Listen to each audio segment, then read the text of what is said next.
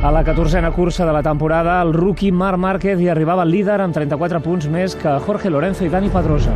The battle commence here at Aragon. Marquez, Lorenzo and Pedrosa on the front row of the grid. A la quarta volta, Dani Pedrosa pren la iniciativa d'avançar al tro de Cervera i anar a la casa de Lorenzo. Márquez no es resigna a ser tercer i dues voltes més tard, plegant a l'esquerra al revolt 12, el cerverí s'acosta massa al seu company. Intenta una maniobra evasiva i surt de la pista, però Pedrosa cau. And Pedrosa has gone down. Danny Pedrosa has gone.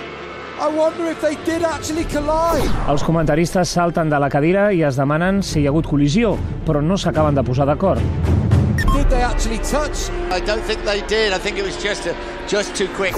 Márquez va guanyar a l'Aragó i en sortia més líder. Just en arribar al garatge, Pedrosa va declarar a la televisió que ell i Lorenzo també podien córrer passats de voltes, però que no tot val. Era després de, de la caiguda i això, però, però bueno, està clar que el primer que faré és anar, anar amb ell perquè la relació que tinc amb ell és molt bona i, i vull que continuï sent la mateixa.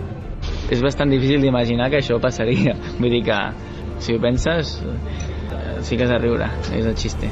L'agulla al paller va ser el protector del colze esquerre de Márquez, de Kevlar, que va seccionar el cable del sensor del control de tracció de l'onda de Pedrosa. De seguida he aixecat la moto, no he volgut ficar en risc a ningú, eh, me'n volia anar sol llarg, però, però simplement l'he rosat un, una mica i, i bueno, eh, he tocat el cable, no? però en ningú moment he provocat una acció de- d'interior eh, anant llarg de, de frenada.